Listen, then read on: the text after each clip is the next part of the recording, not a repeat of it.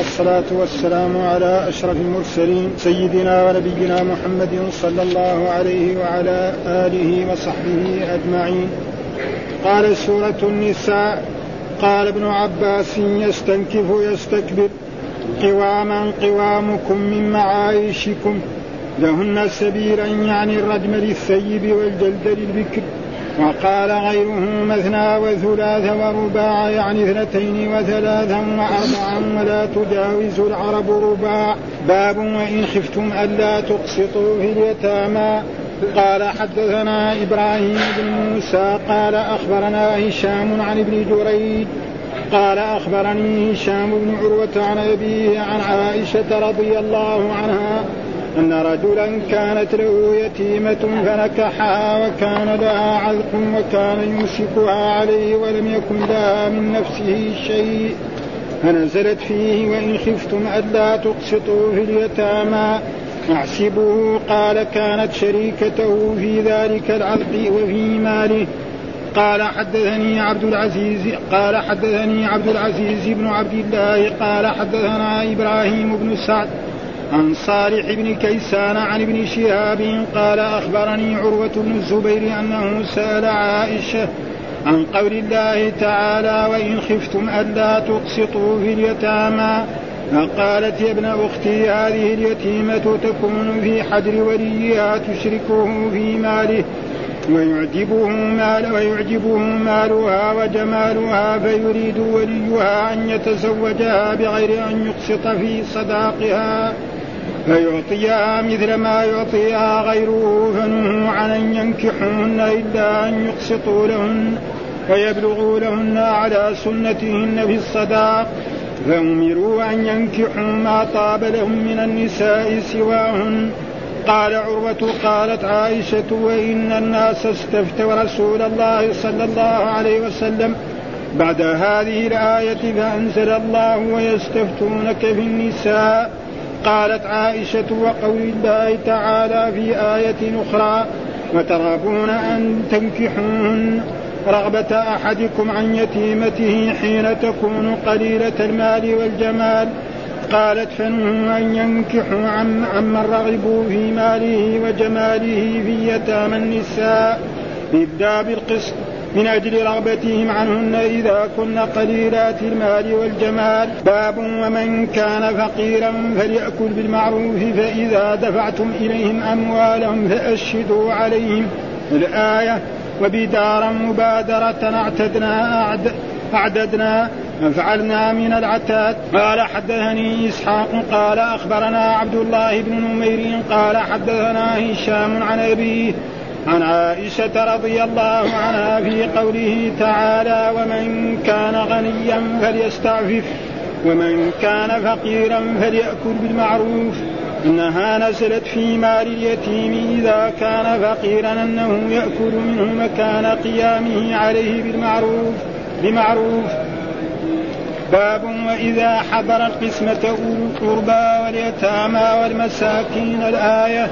قال حدثنا أحمد بن حميد قال أخبرنا عبيد الله الأشجعي عن سفيان عن الشيباني عن عكرمة عن ابن عباس رضي الله عنهما. وإذا حضر القسمة أولو القربى واليتامى والمساكين قال هي محكمة وليست بمنسوخة. تابعه سعيد بن جبير عن ابن عباس. أعوذ بالله من الشيطان الرجيم. بسم الله الرحمن الرحيم. الحمد لله رب العالمين والصلاة والسلام على سيدنا ونبينا محمد وعلى آله وصحبه وسلم أجمعين. قال الإمام الحافظ محمد بن إسماعيل البخاري رحمه الله تعالى سورة النساء. ونحن نقرأ في كتاب التفسير. وقد شرح لنا يعني بعض آيات من الفاتحة وبعض آيات من سورة البقرة وهناك آيات كذلك من سورة آل عمران والآن سورة النساء وذكر في سورة النساء بعض آيات يعني شرحها الإمام البخاري شرحا ليدل على أن الإمام البخاري يقول بعض الناس يقول هذا البخاري رجل عجل. يعني أحسن من جملة من, من كل العرب تقريبا ها؟ وهو يعني عارف اللغة العربية وعارف الحديث وعرف التفسير وعرف كل العلوم الموجودة في عهده ها؟ كان عجيبا ها؟ ولأجل ذلك كان العلم علم الحديث تقريبا من اللي رفع شأنه هم الأعاجم نجي ننظر في, في أهل الكتب السنة. البخاري عجمي مسلم اعجمي النسائي اعجمي ابن ماجه اعجمي نعم الترمذي اعجمي ها؟ يعني أكثرهم فكانوا عجب لكن كانوا علماء يعني لأنه اشتغلوا العرب تركوا تركوا العلم ودخلوا في أشياء ثانية وهم دخلوا في العلم وتعلموا وافهموا هذه الأشياء. وسورة النساء سورة مدنية وفيها من الأحكام الشيء الكثير ومن جملة ما جاء فيها من الأحكام الميراث. ها يوصيكم الله في أولادكم للذكر ولكم نصف ويستفتونك. وذكر لنا هنا آيات شرحها. وقال قال ابن عباس يستنكف يستكبر. جاء في آية في آخر سورة آه، آه، النساء ومن يستنكف عن عبادته ويستكبر. ومن يستنكف عن عبادته ويستكبر. إيش معنى يستنكف؟ ففسرها قال يستنكف يستكبر.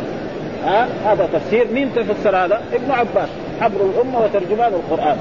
ها؟ فيقول من قال ابن عباس يستنكف بعض العلماء قالوا لا هذا التفسير ما هو صحيح لأنه العاده في اللغة العربية أن دائما المعطوف يكون على لما نقول جاء محمد وخالد خالد ما هو محمد.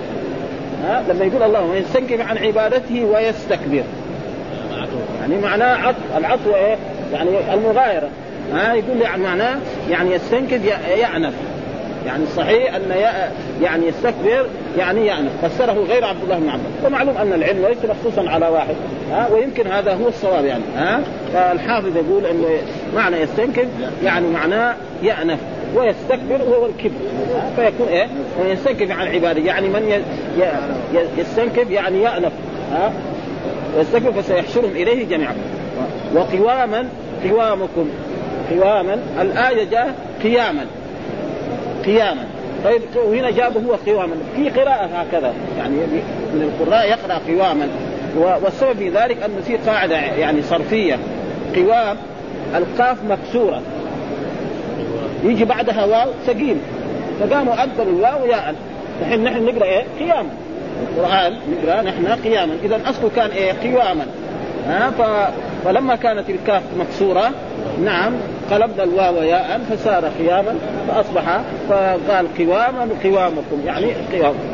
معايشكم بمعنى يعني معايشكم يعني لا تعطوا إيه معايشكم يعني لا يعني لهن سبيلا ها؟ فإنه جاء في إيه؟ واللذان ياتين من فاحشة من نسائكم فتشهدوا عليهن أربعة منكم فإن شهدوا فأمسكوهن في البيوت حتى يتوفاهن الموت أو يجعل الله لهن يعني الرجل إذا شك في زوجته نعم أنها زاني أو غير ذلك جاء في أول حكم أنه يعني يشهد عليها أربع شهود ويحبسها في البيت يحبسها في البيت. ثم بعد ذلك أنزل الله إيه؟ آية الرجم وآية إيه؟ يعني الجلد. فقال في الآية واللذان يأتين الفاحشة فاستشهدوا عليهن أربعة منكم فإن شهدوا فأمسكوهن في البيوت حتى يتوفاهن الموت أو يجعل الله لهن السبيل بعد ذلك جعل الله لهن السبيل إيش السبيل؟ أن الزاني المحصن يرجم بالحجارة حتى يموت والزاني البكر نعم يجلد مئة جلدة ويغرب عن البلد الذي هو بها سنة. يعني يسفر من بلدي إلى بلد أخرى سنة كاملة. آه وهذا جاء في القرآن نعم في سورة إيه؟ سورة آه, آه، النور. نعم نعم آه يعني الزانية والزاني فاجلدوا كل واحد منهم مئة جلدة ولا تأخذكم بهما رأفة في دين الله إن كنتم تؤمنون بالله واليوم الآخر وليشهد عذابهما طائفة من المؤمنين. الزاني لا ينكح إلا زانية و... و... وآية التي هي آية الرجم. هذه يعني محذوفة. نسخ لفظها وبقي حكمه يعني اللفظ ما هو موجود في القرآن. ولكن الحكم موجود. وهي إيه؟ يعني الشيخ والشيخة إذا زنيا فارجموهما نكالا من الله البتة والله عزيز حكيم. كانت آية موجودة في القرآن هكذا. ثم نسخ لفظها وبقي وقد وقد رجم رسول الله صلى الله عليه وسلم ورجم أبو بكر ورجم عمر بن الخطاب رضي الله تعالى عنه وقد مر خطب عمر بن الخطاب في هذا المسجد يعني كان عمر بن الخطاب في آخر سنة من سنوات خلافته وكان في الحج. نعم. وقال أراد أن يخطب خطبة في إيه؟ في منى. فقال له بعض أصحاب الرسول صلى الله عليه وسلم الكبار كعبد الرحمن بن عوف وعثمان بن عفان وغيره لا تخطب هذه الخطبة في في منى. وقد لا يفهم بعض العرب عن هذه الخطبة، هذه الخطبة أخرها في المدينة لأن هناك الصحابة وهناك الناس الذين يعرفون العلم فأخرها. فلما وصل إلى المدينة أو لأن كان عمر بن الخطاب من سياسته أنه لما صار خليفة في كل سنة يحج عشر سنوات ونصف خلافته كل سنة يحج لما؟ لغرضين. ليكون رئيس الحج ولأن كل إنسان ظلم. نعم ظلمه أمير أو قاضي أو حاكم يقول لي يسافر إلى مكة للحج ويجي يشتكي لعمر ها؟ ما في لا جواز ولا في شيء. ابدا يقول أنا رايح الحج. ما حد يقدر يمنعه. ها؟ فلذلك كان هو لهذا. فلما وصلوا المدينة بعد الحج قال بعضهم لبعض لما جلسوا في الروضة يعني قبل الجمعة لأنهم كانوا يبكرون إلى الجمعة قال بعضهم لبعض اليوم عمر يبغى يخطب خطبة عظيمة جدا. قال إيش يخطب؟ الثاني عمر له عشر سنوات يخطب إذا كان خطيب يخطب عشر سنوات إيش بده يسوي؟ يعني ما إيش يبغى يجي جديد؟ ما في جديد فلما يقول رقد منبر وسلم وأذن المؤذن قال يعني اخشى ما اخشى على الناس يعني يعني يأتي زمان على الناس في زمان بعد بعدنا فيقول إنه لا نجد الرجم في كتاب الله ها وقد رجم رسول الله ورجمنا ها وأي مرأة والإمام البخاري أتى بهذا الحديث في إيه؟ في باب مثلا يعني من ثبت عليه الزنا بالحبل. يعني مرأة ما عندها زوج وصارت حبلى معناه إنها زانية خلاص ها؟ فلذلك أتى بهذه فلهن سبيل إيش هو لهن سبيل؟ البكر نعم يجلد 100 جلدة ويغرب سنه الثيب نعم الذي كان يعني يعني كان تزوج نعم يرجم بالحجارة حتى يموت. وهذه إيه؟ وهذا معناه قال لهن سبيلا يعني الرجم للسيد والجلد للبكر. وقال غيره مثنى وثلاث ورباع. ها؟ جاء فانكحوا ما طاب يعني بده يشرح لنا كلمات في إيه؟ في, سورة النساء. فانكحوا ما طاب لكم من النساء مثنى وثلاث ورباع. إيش مثنى؟ يعني معناه اثنين. وثلاث يعني ثلاثة ورباع. يعني الرجل إذا يبغى يتزوج يتصدق يبغى يتزوج اثنين يتزوج يبغى يتزوج ثلاثة يتزوج يبغى يتزوج أربعة يتزوج. ها؟ ها؟ يعني حلاله يعني الله يقول تنكحوا ما طاب لكم من النساء مثنى وثلاثة. فإن خفتم ألا تعدلوا فواحدة. أو ما ملكت. يعني لازم إذا تزوج ثلاثة لازم يعدل بينهم. ها؟ في النفقة وفي السكنى وفي كل شيء. نعم. إلا في في ميل القلب. ولذلك كان الرسول صلى الله عليه وسلم عليه يقول هذا يعني قسمي فيما أملك فلا تلومني فيما تملك ولا أملك. فانكحوا ما طاب مثنى وثلاث ورباع. بعض العلماء علماء اللغة يعني المعاجم يقولوا أنه مثنى وثلاث ورباع لا يجوز إلا مثنى وثلاث ورباع بس. بعض الفقهاء بعض علماء اللغة يقول لا يجوز كمان نقول خماسة وسداسة وسباعة وثمانه وساعه وعشاره مسألة لانها مسألة لغوية. هو مسألة لغوية فهو كأن الإمام البخاري يرى أنها ما تجوز إلا الثلاث. ها؟ يعني هذا من من استدلاله قال مثنى وثلاث ورباع ولا تجاوز العرب رباع. ها؟ يعني الإمام البخاري يميل إلى أنه ليس لأحد يقول خماسة وسداسة وسباعة وثمان. غيره يقول لا جائز وأتوا بأبيات شعرية تدل على ذلك وعلى كل حال هذه يعني ما يريد يعني شرح هذه الكلمات من إيه؟ من سورة النساء. نعم. ثم بعد ذلك ذكر لنا الحديث ويعني وذكر الحديث ونحن نقرأ ولو شيء بسيط يعني. ها بسم الله الرحمن الرحيم. قال ابن عباس يستنكف يستكبر. ووقع في في رواية المستملي والكسميني وقد وصل ابن أبي حاتم بإسناد صحيح من طريق ابن جريج عن عطاء بن عباس في قوله ومن يستنكف عن عباد قال يستكبر وهو عجيب. فإن الآية عطف الاستكبار على الاستنكاف والظاهر أنه غير ويمكن أن يحمل على التوكيد. قال الطبري معنى يستنكف يأنف وأسند عن قتادة قال يحتسب وقال الزجاج هو استفعال من النكف وهو الأنفة. والمراد رفع ذلك منه. ها قياما القراءة المشهورة بالتحتانية. ها بدل الواو يعني قياما. هو جابها ها قواما.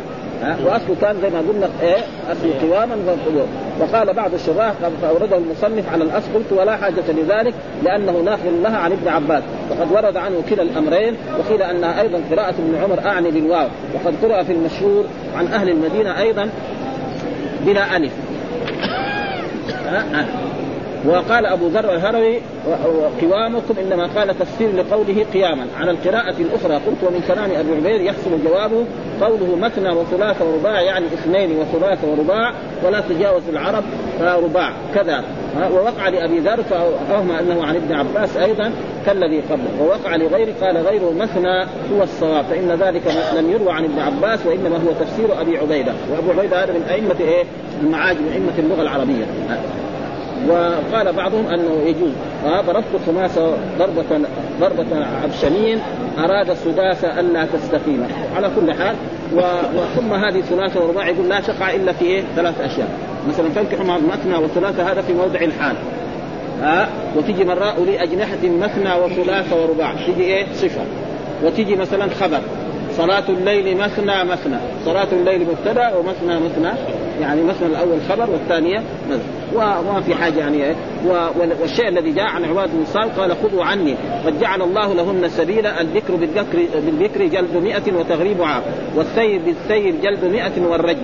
والمراد بالإشارة في حديث أنه أن أن أن السير يجلد مئة وفي أحاديث بس وسيأتي بحثها في في في الحدود.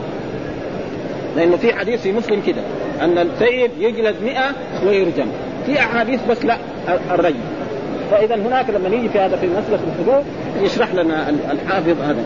ثم بعد ذلك يقول باب وإن خفتم الا تقسطوا في اليتامى فانكحوا ما طاب لكم من النساء مثنى وثلاث ورباع فإن خفتم الا تعدلوا فان وإن خفتم الا تقسطوا في اليتامى في اليتامى. تقسط هذا من إيه؟ من أقسط من الرباعي. أقسط رباعي أربع أحرف. وقسط يعني اللغة العربية لغة عظيمة جدا. الله يقول وأما القاسطون فكانوا لجهنم حطبا. من إيه هذيك؟ من قسطة من الثلاث. ها؟ والمقسطون. ها؟ الله يحب المقسطين. فإذا هنا تقسط معناه يعني ألا تعدل. ها؟ وإن خفتم ألا تقسطوا باليتامى فانكحوا. طيب إيش سبب نزول هذه الآية؟ كان الرجل يقول له مثلا عم. نعم فيموت عمه ويترك يتيمه بنت. فيقوم هو يأخذ هذه اليتيمة ويتولى أمرها. وتكون هي جميلة ولها مال فيرغب أن يتزوجها. لكن لما يرغب يتزوجها ما يعطيها. مثلا لو لو يبغى واحد غير يتزوجها يمكن يتزوجها ب 100 هو يقوم يتزوجها ب 50 يعطي لها صداق 50 ويتزوجها ها لأن لها مال وجميله ها فلذلك الله نهاهم عن ذلك. يعني إذا تبغى تتزوج القريبة لك اعطيها الصداق الذي تعطيها يعطيها غيره. ها فإذا غيرها يعطيها 20 يعطيها 20 يعطيها 100 يعطيها 1000 2000 وأما عشان بنت عمك تقول تتزوجها بأقل من ذلك فالقرآن نهى عن ذلك وامتثل الصحابة أمر أمر الله في ذلك وتركوا ذلك. وهذا معناه وإن خفتم ألا تقسطوا في اليتامى. إيش هو اليتيم؟ اليتيم من فقد والده. هذا اليتيم في إيه؟ في الإنسان. يعني اليتيم في الإنسان من فقد والده. أما من فقد امه لا يسمى يتيم. ها وأما في الحيوان نعم فمن فقد أمه. مثلا عندنا شاة ماتت الأم يسمى يتيم. الطير يقول من فقد أباه وأمه. الطير لا يسمى يتيم حتى يفقد أباه لأنه لو بقي أحدهما يعيش هو. الأب يروح يجيب الاب يجيب من من البر ويجي ياكل يكبر خلاص. ها فهذا اليتيم من فقد أباه وهو كذلك لن يبلغ. ما بلغ يعني ما بلغ خمسة عشر فهذا وإن ستوا فانكحوا ما طاب لكم. فانكحوا ما طاب القاعدة في اللغة العربية أن دائما ما لغير العاقل. هنا الله يقول فانكحوا ما طاب لكم. ليش؟ يقولوا العلماء الذين هم في هذا فانكحوا ما طاب لكم من صفات النساء. لأنه في الناس يعني يختلفون في إيه؟ في, في النساء، واحد يحب أن الزوجه تكون سمراء، واحد يحب أن تكون طويلة، واحد يحب أن تكون سوداء، واحد يكون يحب فلذلك أنه إيه؟ الصفات يعني. ها معلوم ان أن صفات النساء تختلف، واحد يحبها بيضاء جدا، ها واحد يحبها شقره، يحب شعرها كذا، فلذلك ف...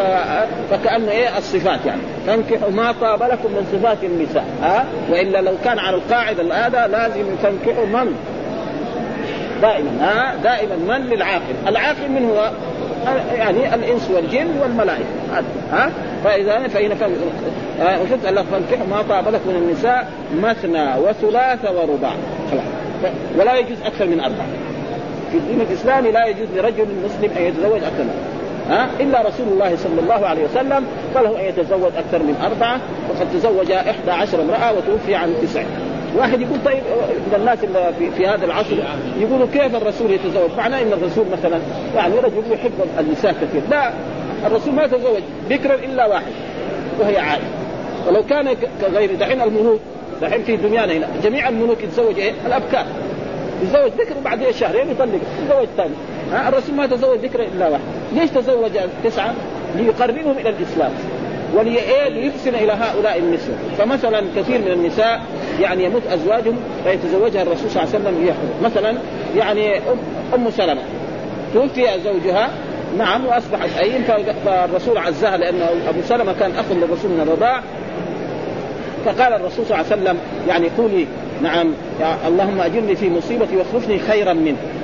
كذا قال الرسول قولي هذا الدعاء. اللهم أجرني في مصيبتي واخلفني خيرا. فلما انتهت عدتها خطبها رسول الله صلى الله عليه وسلم وتزوجها. فصارت إيه؟ وهي مرأة كبيرة في السن. حتى قالت للرسول صلى الله عليه وسلم يا رسول الله أنا عندي أطفال. وعندي غيرة كمان. أنا ما أبغى الطبائع عندك ثمانية. تصير تسعه المشكلة دي؟ فقال لها الرسول لا أما الأولاد فرزقهم على الله وأما الغيرة فأنا ادعو ودعا الله لها فزالت الغيرة وأصبحت مع رسول الله صلى الله عليه وسلم وصارت بعد ما كانت زوجة صحابي صارت زوجة رسول الله صلى الله عليه وسلم وصارت من أمهات المؤمنين. ها؟ كذلك حفصة وكذلك غيرها وكذلك صفية وكذلك مثلا أم حبيبة. زوجها تزوجها وارتد عن الإسلام. في بلاد إيه؟ الحبشة. فعقد لها الرسول صلى الله عليه وسلم آه النجاشي وعاد المدينة وكلهم. فلذلك كل واحد يطعن في هذا فهو غلطان جدا أشد الغلط. وقد يعني ظهر في هذه الأزمان ناس منهم من يدعي الإسلام يقول هذا ها؟ فهم غلطانون جدا فإن الرسول ما تزوج هؤلاء إلا للاحسان إلى ثم هذا يقرب القبائل العربية إلى الإسلام. مثلا القبيله هذه الرسول صهرنا يجي طماع يعطي له شيء من الدنيا يكون إسلامه تعبان في الأول يوم يومين ثلاثة بعد شهر يصير مسلم تماما فلأجل ذلك هذا ويأخذ فانكحوا ما طاب لكم النساء مثنى وثلاث ورباع. وهذه الآية هي نزلت في هذا. يعني كان الرجل يكون عنده يتيمة فيتزوجها لجمالها ولمالها. نعم. ولا يعطيها المهر الذي يعني تستحقه فنهوا عن ذلك قال فإن كنت فأنكحوا ما طاب لكم النساء إيش الدليل؟ قال حدثنا إبراهيم ابن موسى قال أخبرنا هشام عن ابن جرير قال أخبرني هشام بن عروة عن أبيه عن عائشة آه رضي الله عنها أن الرجل كانت له يتيمة فنكحها آه وكان لها عذب، العذب معنى النخيل يعني العذب دائما معناه النخل ها آه يعني لها مال وكان يمسكها عليه ها آه ولم يكن لها من نفسه شيء. فنزلت وان خفتم ألا تقسطوا في اليتامى أحسبوا قال شريكته في ذلك في العز. يعني لما يكون عندها مال فإن المال هذا يرجع إليه. ها؟ يعني عندها بستان. مين يبغى يتصرف في البستان هذا؟ هو الرجل. ها؟ فيصير يكسب. ها عندها مثلا غرب صار عندها عقار عندها أموال عندها أشياء فهو الرجل استفاد من هذا. فاذا أنت إذا أردت أن تفعل هذا تتزوجها وتعطيها يعني مهرها الذي يعطيها غيره. يعني لو أراد يتزوجها شخص آخر غير غير ابن عمها يعطيها 100 فانت تعطيها 100 وتتزوجها أما تعطيها 50 وتتزوجها عشان بنت عمك هذا ما يجوز. فالقرآن نهى عن ذلك والرسول والصحابة طبقوا ذلك. هذا الحديث الأول وهو بمعنى هذا. الحديث الثاني هو مثله. ها حدثنا عبد العزيز بن عبد الله قال حدثنا إبراهيم بن سعد عن صالح بن كيسان عن ابن شهاب قال أخبرني عروة ابن الزبير. وعروة بن الزبير هو أحد الفقهاء السبعة عن عائشة وعائشة خاله لعروة بن الزبير عن قول الله تعالى وإن خفتم أن لا تقسطوا في اليتامى فقالت يا ابن أختي لأن إيه؟ عروة أمه أسماء بنت أبي بكر عائشة بنت أبي بكر فتصير هي إيه؟ عائشة خالة وهو إيه؟ من التابعين وما هو صحابي. عروة ما هو صحابي فأخذ علمه من مين؟ من الصحابة ومن خالته لأن خالته كانت عالم من كبار علماء الصحابة رضوان الله تعالى عليهم كما أمر الله تعالى واذكرن ما يتلى في بيوتكن من آيات الله والحكمة. ها؟ أنها سألت إن خفتم الا تقسطوا في اليتامى فقالت يا ابن أختي هذه اليتيمة. إيش هي؟ اليتيمة تكون في حجر وليها تشركه في ماله ويعجبه مالها وجماله. ها؟ تكون يعني يموت رجل ويكون له بنت ويكون يأخذها ابن عمها أو ابن خالها ها؟ أو أحد اوليائها نعم. فيريد وليها أن يتزوج لأنه هذا هو الولي لأنه أبوها ما في ها؟ فيكون هو ابن عمها أو هذا فيتزوجها. بغير أن يقسط في صداقها. يعني أن يعدم. إيش معنى يقسط هنا يعدم. ها فلازم يعطيها صداقها الكامل. إلا يعطيها الناس الأجانب. ها وكمان أو يكثر لها أكثر من ذلك. نعم مثل ما يعطيها فنهوا عن أن ينكحوهن إلا أن يقسطوا لهن. فإذا أراد يتزوجها القريب هذا يقسطها يعطيها واقسط معنى عدد ولذلك اقسط من الرباعي بمعنى عدد ها؟ هذا وقسط بمعنى جار. أما القاسطون فكانوا لجهنم حطب. يعني شوف الثلاثي فرد والرباعي وهذا شيء موجود في اللغة العربية ومعروف يعني اللغة العربية لغة لا نظير لها في العالم ابدا. ها ها ويبلغ لهن أعلى سنتهن يعني الطريقة التي ها فأمروا أن ينكحوا ما طاب لهم من النساء. ها ينكحوا ما طاب لهم من النساء سواه يعني ما يبقى يعطيها حتى يروح يتزوج زوجه يروح يتزوج واحدة بخمسة كمان ها يروح لولي شخص عنده بنت يقول له أنا زوجني بنتك بخمسه فإذا رضي أما هذه ما يتزوجها إلا يعطيها حقوقها كاملة.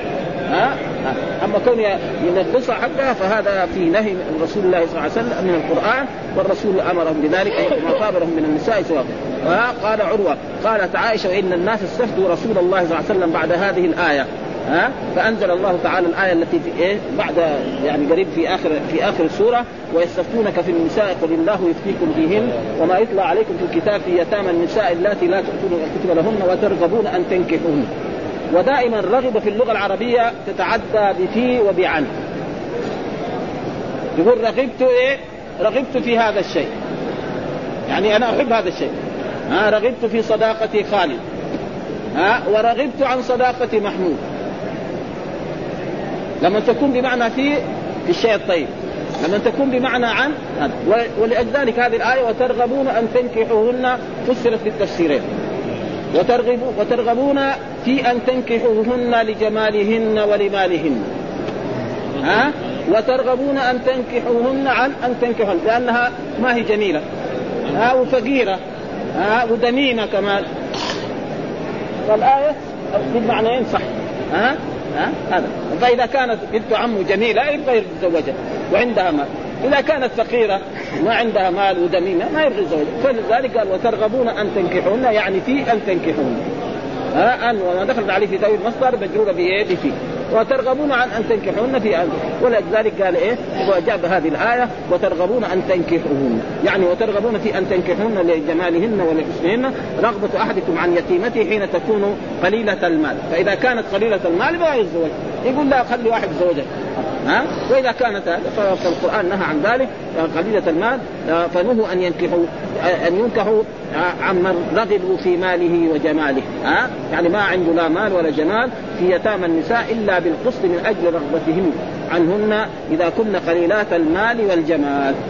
فالآيات يعني تشهد وهذا موجود في اللغة العربية مثلا يعني ترغبون أن تنكحوهن في في في أن تنكحوهن لحسنهن ولجمالهن. ها؟ هي في والله في نكاحهن كل هذا هو هذا تأويل المصدر.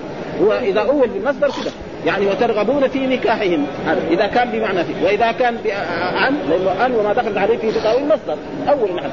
ها؟ وترغبون في نكاحهن لحسنهن ولجمالهن. ها؟ وترغبون عن أن تنكحوهن لتمامتهن ولفقرهن. هذا معناه واحد. ها؟ ها؟ هي في رواية يقول في صحيح مسلم. يعني في صحيح مسلم موجود الاثنين سوا. هو يقول في رواية في مسلم يعني قريب هنا أنا طالب كنت جالس في المسجد هنا وجاء طالب يعني طلبة العلم أو بسرتي طالب علم جاء وراني قال لي هذا الحديث في صحيح مسلم. ها أن صحيح مسلم ذكر حديث يعني يجمع الجلد مع الرجل. الحديث في مسلم. أنا قلت على كل حال الا اعرف أنا إن الجمهور على أنه بس الرجل. لكن لما قال في صحيح مسلم أنا ما كنت أقول له شيء. وهذا قالوا مراجعة. يعني قد يكون من الأحاديث المنتقدة على مسلم. لأنه في أحاديث منتقدة على الإمام مسلم في صحيح. ها؟ يعني انتقدها آه، الدار قطب الدار يمكن 95 حديث انتقد وهذا كمان ما يلزم ذلك إن كل الدار قطب هو الصديسي لا. الدار قطب انتقد البخاري وانتقد مسلم. ها وراح أنا راجعته على قد معلوماتي البسيطة. ما قدرت أفهم كل الانتقاد في إيه في السند. ومعلوم السند. يعني ما ما شفت يعني حديث في المهر ابدا. يعني انتقاد الدار القطني انتقد انتقد البخاري وانتقد ورأيت لشيخ الإسلام ابن تيمية يقول الذين انتقدوا البخاري هم غلطانون. الحق مع البخاري. هذا هذا في التوسل الوسيلة أنا شفته. ها؟ الذين انتقدوا البخاري هم الغلطانون. يعني الدار قطني وغيره انتقد البخاري غلطان وان الحق مع البخاري. أما الذين انتقدوا مسلم فانتقاد المسلم في بعض الأحاديث يعني صحيح. ومثل بمثال بمثالين هو تقريبا. منها مثال ان أن في صحيح مسلم يوجد أن الله خلق شيئا يوم السبت. موجود هذا في صحيح مسلم. ومعلوم أن الأحاديث أن الله ابتدأ الخلق يوم الأحد وانتهى يعني آخر يوم الجمعة خلق فيه آدم. هذا موجود هذا حديث. وفي حديث كمان انتقدوا برضه إنه دائما آه، صلاة الخوف آه، يعني آه، يعني صلاة الاستسقاء. كلها ركوعين ركوعين. في حديث في صحيح مسلم ثلاث ركوعات. يعني موجود في فيها ها؟ هذا الشيء الذي ويقال بحث هذا طويل يعني. فهذا معناه يعني في يتامى النساء. ويقول هنا في هذه الآية باب واي خفتم أن لا تقسطوا سقطت هذه الترجمة لغير أبي ذر ومعنى خفتم أي ظننتم ومعنى تقسطوا أي تعدلوا. ها؟ فلما يكون من أقسط بمعنى الرباع يقال قسط إذا جاء. واقسط اذا عدل. وقيل وقيل الهمزة به للسلب أي أزال القسط. ورجحه ابن التين بقوله ذلكم أقسط عند الله لأن أفعل في ابنيه المبالغة لا تكون في المشهور إلا من الثلاث وهذا معروف انه دائما يعني المبالغة وفعل التعجب والتكبير لا يكون إلا من إيه سوف شروط آه، ثمانية ومنها أن يكون من فعل ثلاثي أما من فعل رباعي لازم نحط له شيء. مثلا واحد من استخرج يساوي أفعل تقدير يقول إيه؟ محمد أشد استخراجا للمال. أما محمد استخرج المال ما يصح في قواعد يعني كذا في إيه؟ وحكى عن الزوج اسباب والله أعلم. وأخبرنا هذا ثم أن رجلا كانت له يتيمة هكذا قال هشام عن ابن جريج فاوهم أنها نزلت في شخص والمعروف عن هشام بن عروة التعميم. وعن عروه فيه شيء آخر نبه عليه إسماعيل فكان لها عذق. ها فكان يمسكها عليه فإن هذا نزل في التي يرغب عن نكاحه. وأما التي يرغب في نكاحه فهي التي يعجبه مالها وجمالها فلا يزوجها لغيره ويريد أن يتزوجها بدون صداق مثلها وقد وقع في رواية ابن شهاب التي بعد هذا التنصيص على القصتين. وفي رواية حجاج بن محمد سالم من هذا الاعتراض فإن فيها نزلت في الرجل يكون عنده اليتيمه وهي ذات مال. وكذا أخرجه. عذق عذق بفتح بفتح العين المهملة وسكون المعجمه النخلة وبالكسر الكواسه والقم وهو من النخلة كالعنقود من من الكرمه والمراد هنا الأول. كان يمسك عليه أي لاجل في أحسبه كان كانت شريكته في ذلك العذق ها في حب. الذي يلي مالها بغير أن يقسط في صداقها. ها وإن خفت قال عروة عائشة وقال عروة قالت عائشة وهو معطوف على الإسناد المذكور وإن كان بغير أداة عطف. يعني وقال وقال عروة قالت عائشة. مكتوب غير قال عروة. يقول أصله وقال عروة.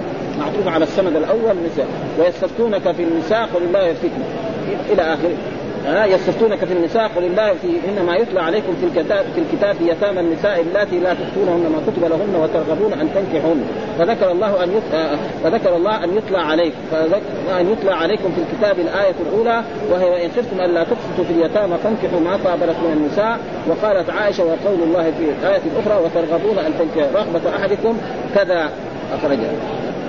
وقد تكلف بعض الشباب فقال معنى قولي في آية أخرى آه.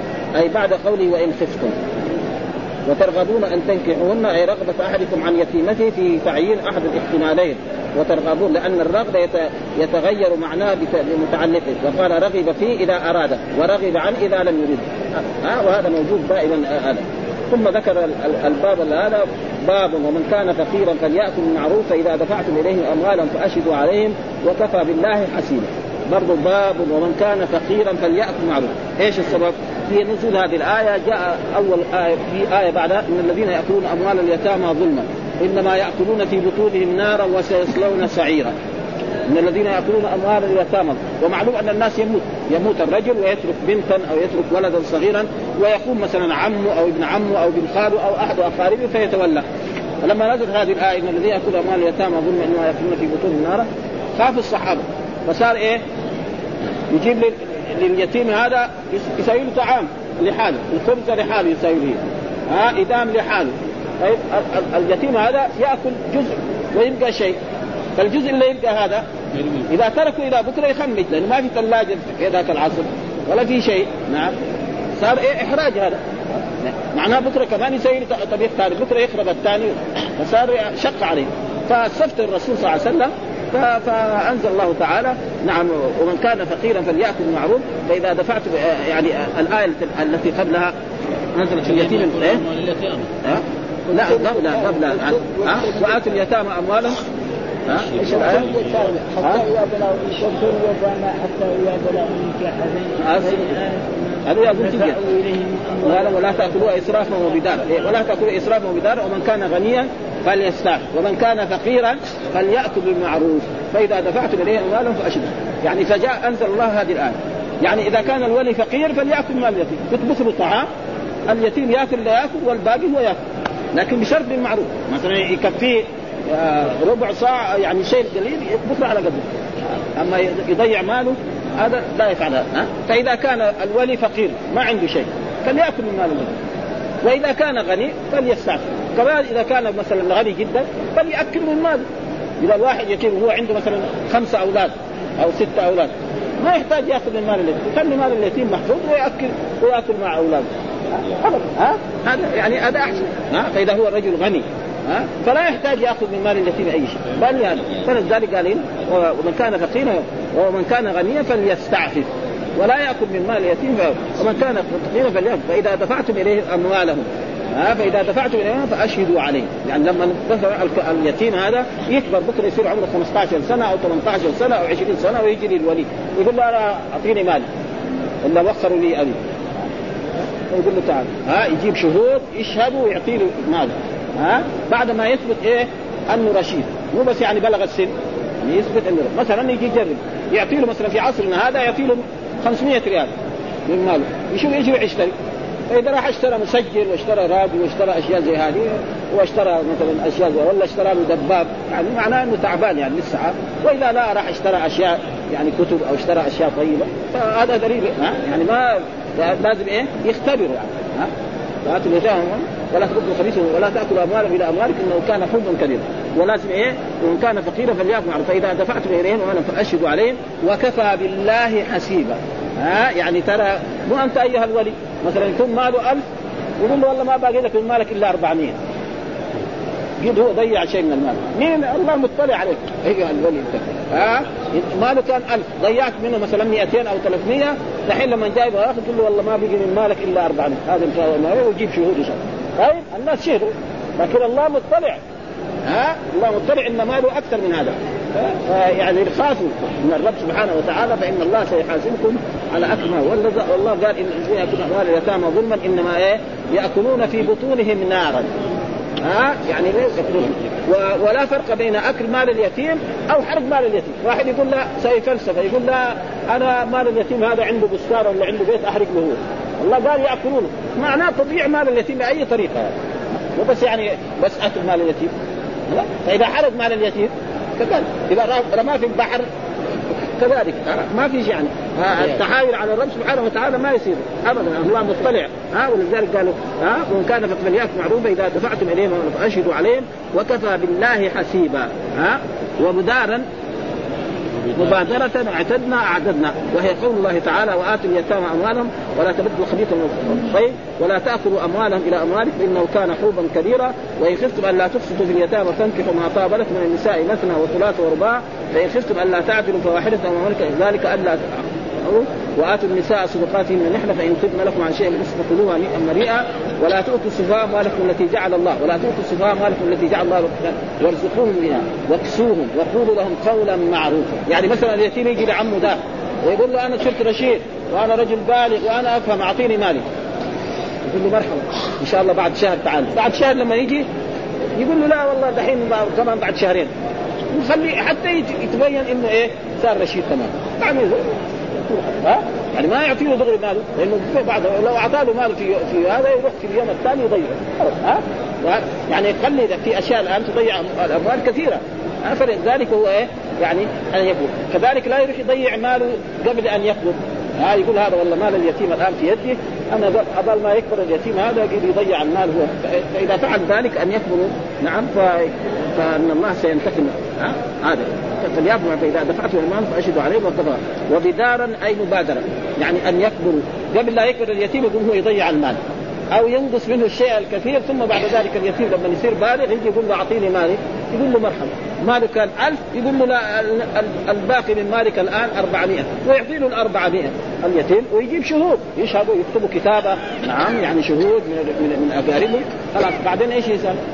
قال وكان حسيبا الله مطلع على ذلك وسيجازيه والذي يحفظ مال اليتيم ربنا يعني يحفظ ماله وهذا معناه قال إنها نزلت في في مال اليتيم.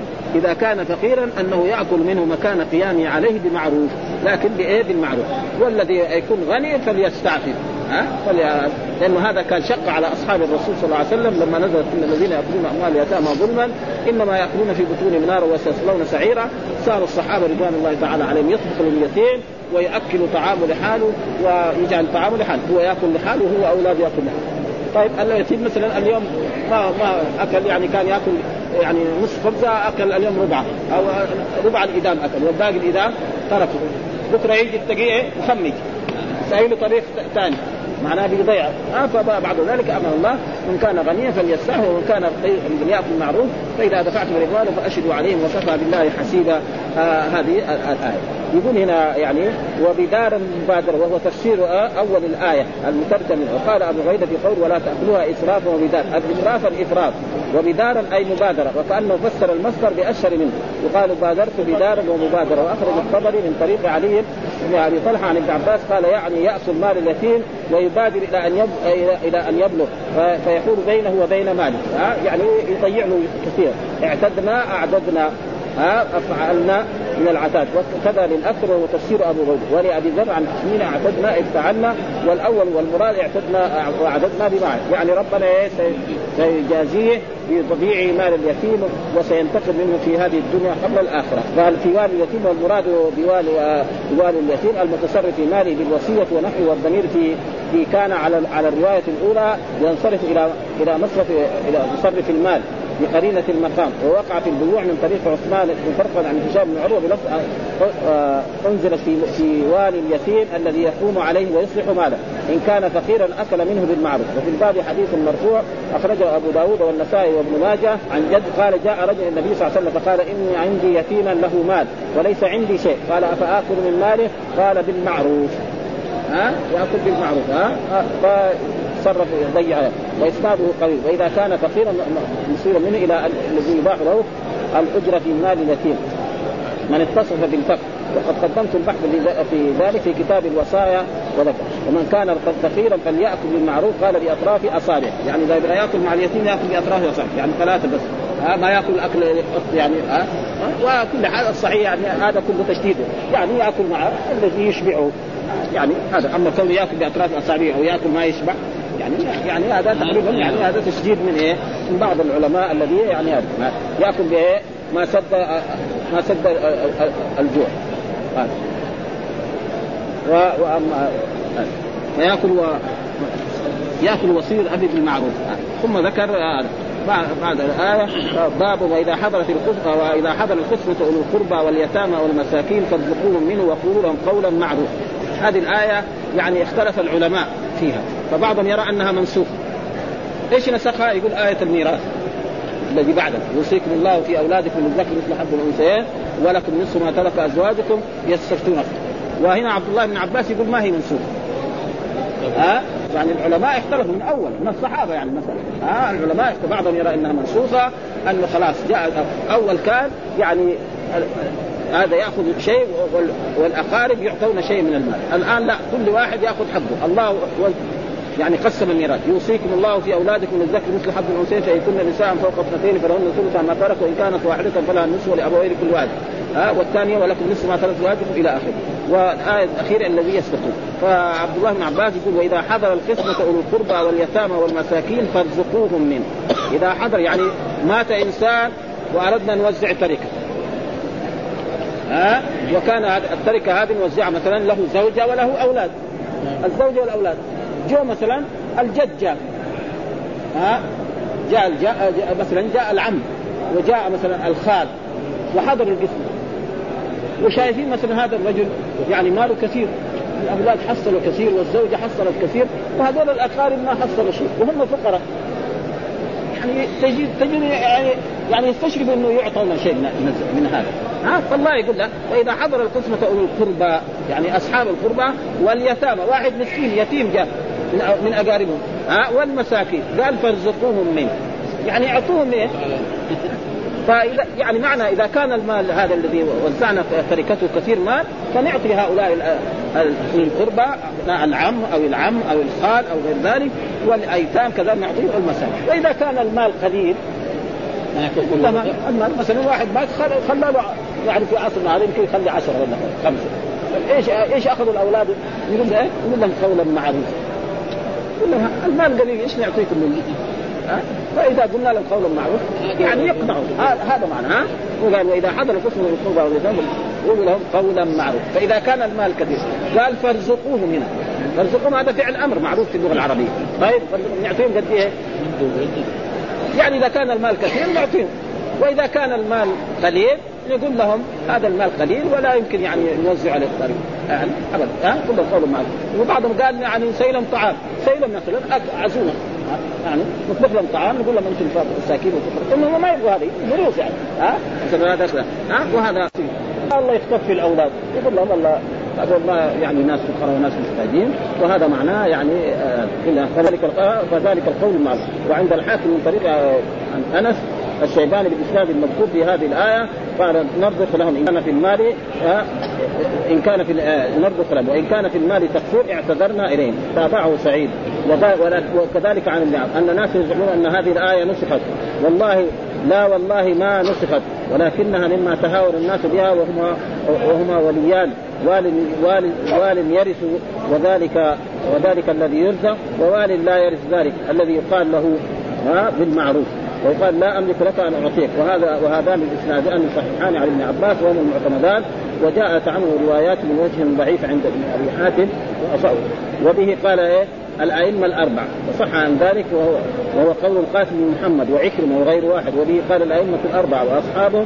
وجاء عن ابن عباس قول آخر أخرجه عبد الرزاق في اسناد صحيح عن القاسم بن محمد أن عبد الله بن عبد الرحمن ابن أبي بكر قسم ميراث أبي عبد الرحمن في حياة عائشة فلم يدع في الدار ذا قرابة ولا مسكينا إلا اعطاه من ميراث ابيه وتلا الآية. قال القاسم فذكرته لابن عباس فقال ما أصاب؟ ليس ذلك إنما ذلك إلى الوصي وإنما ذلك في العصبة.